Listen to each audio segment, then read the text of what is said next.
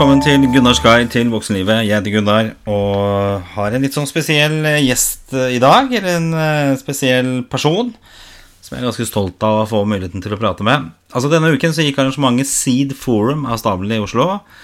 Og Seed Forum det er et sted hvor gründere, entreprenører, investorer møtes for å utveksle erfaringer, kanskje inngå samarbeid. Og Steinar Korsmo han var gjest hos meg for noen uh, uker tilbake. Han leder Seed Forum, og han uh, snakket da om internasjonalt entreprenørskap. Det var utrolig spennende. Og han inviterte meg uh, for å henge litt på dette Seed Forum. og jeg fikk også muligheten til å ta en prat med en del av foredragsholderne. Det var vel ca. 30 av de.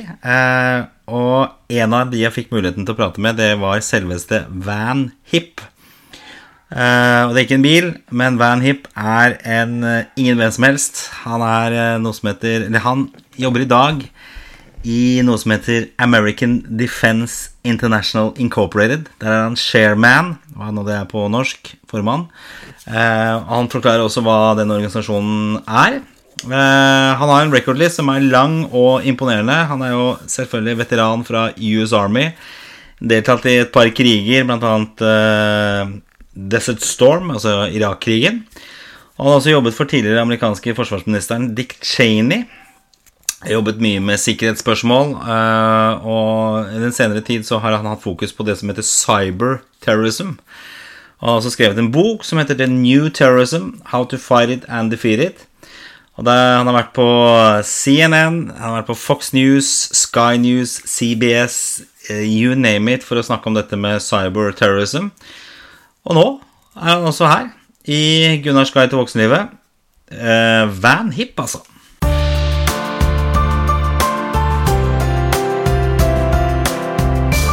And I'm say this is probably a, a highlight for my podcast to have you in the studio. Welcome, uh, Van Hipp. Great to be here. And yeah. I, I, love Oslo. I never miss a chance to come back. Have many friends here. And of course, as an American, uh, Norway is a great NATO ally of, of America's. And everybody here, I think, has a cousin in Minnesota, you know?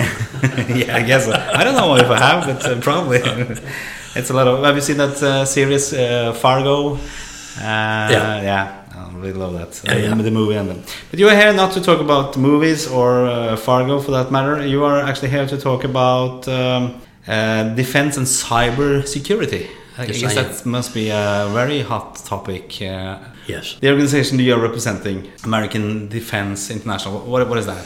It's a consulting company that I started. Uh, we're actually in our 25th year of business. Uh, okay uh, many years ago, before that, I served as Deputy Assistant Secretary of the Army for Mobilization. So I had a uh, focus on a, a, little bit about a lot of things you need to go to war, including technology. Yeah. And uh, but one of the big focuses I've had actually wrote a book a, a few years ago called "The New Terrorism: How to yeah. Fight It and Defeat It." Yeah. Have a whole chapter there on cybersecurity. But you know, historically, we say there are four dimensions of warfare air, land, sea, and space. Mm. I say that cyber is the fifth dimension of warfare. Yeah. And let me tell you this it's the one national security challenge I believe that is the most complex national security challenge I believe the, the free world, world has ever faced.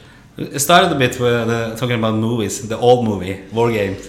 Oh yeah, oh yeah. well, you know, there's one movie that came out a few years ago that I think gives us the framework to win the cyber war today. Did you see the movie that called The Imitation Game? Yeah, yeah, yeah. yeah. About Alan Turing and how yeah. the Brits broke the Enigma code. Yeah, that's right. The things that they did, I think, if you if you recall, the code the um, the Nazis would change the code at 12 midnight, yeah. send out the first message at 6 a.m., and the good guys had 18 hours to break the code, and they would do it all over again.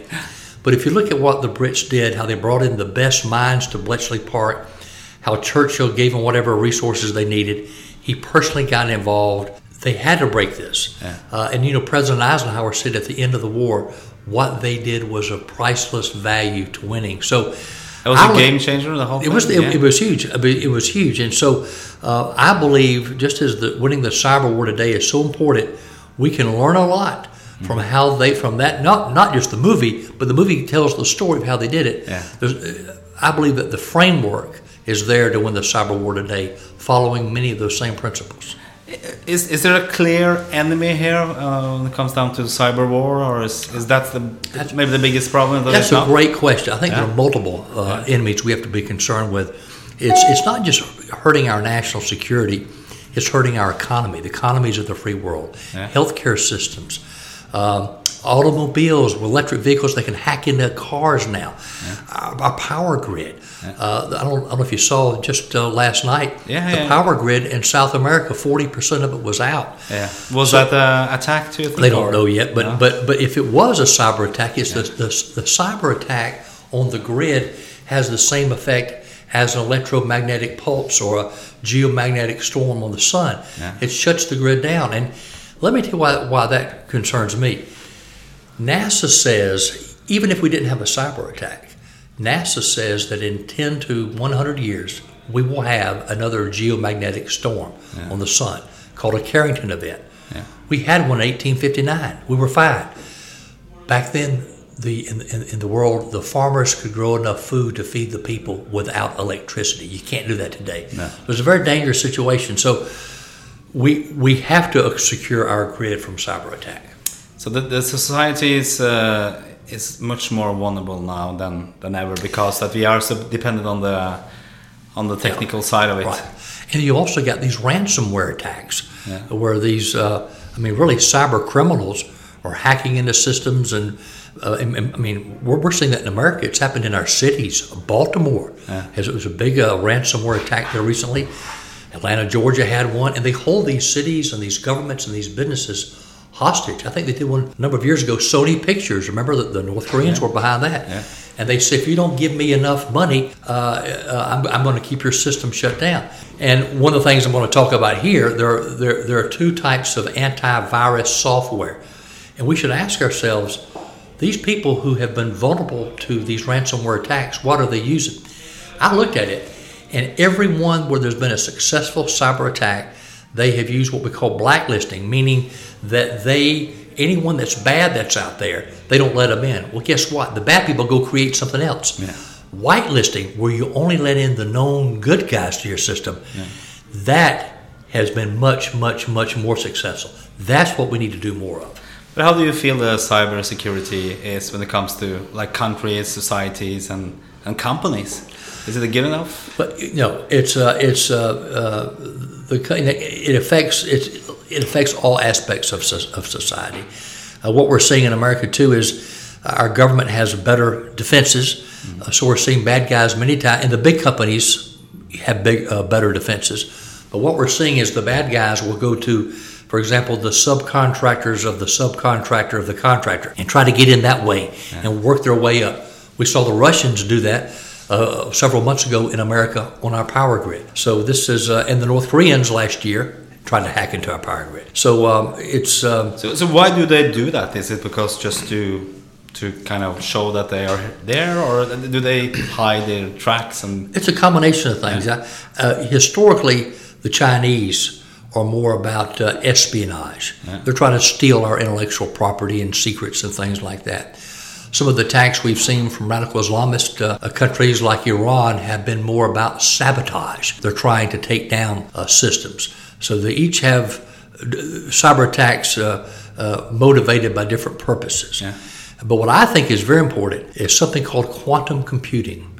I don't know if you follow that much, but Uh, this, I think, is going to be the answer. When you think about quantum computing, the best way I describe it to people is think about speed. Think about the regular computing today you have, but only millions of times faster. It's the great equalizer.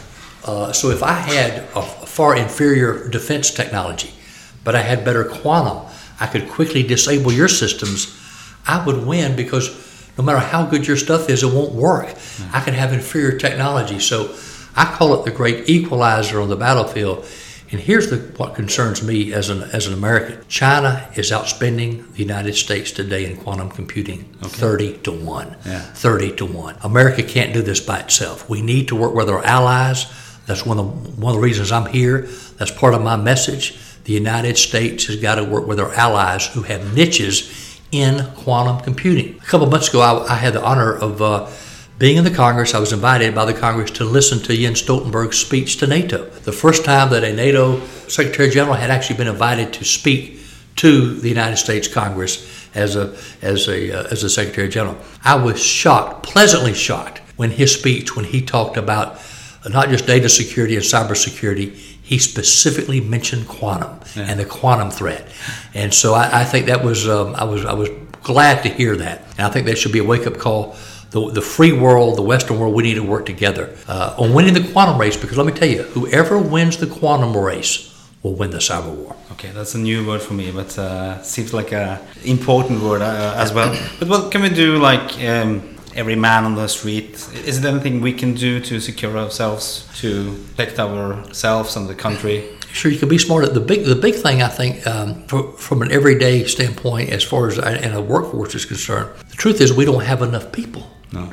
trained uh, to thwart the worst type of, uh, of, of cyber attacks. So it's really a, a workforce development issue. Um, uh, when I wrote my book, uh, one of the top uh, CIA experts uh, said, and I wrote this in the book, that America needed about 30,000 of the best cybersecurity experts to thwart the worst kind of attack on our system. We only got about 1,000 or 1,500. So, what I've called for in America, and I think it would be good here in Europe and elsewhere, let's recruit the best minds. Yeah. Let's, let's focus with young people and give them national security scholarships yeah. to go into computer science, to go into data security.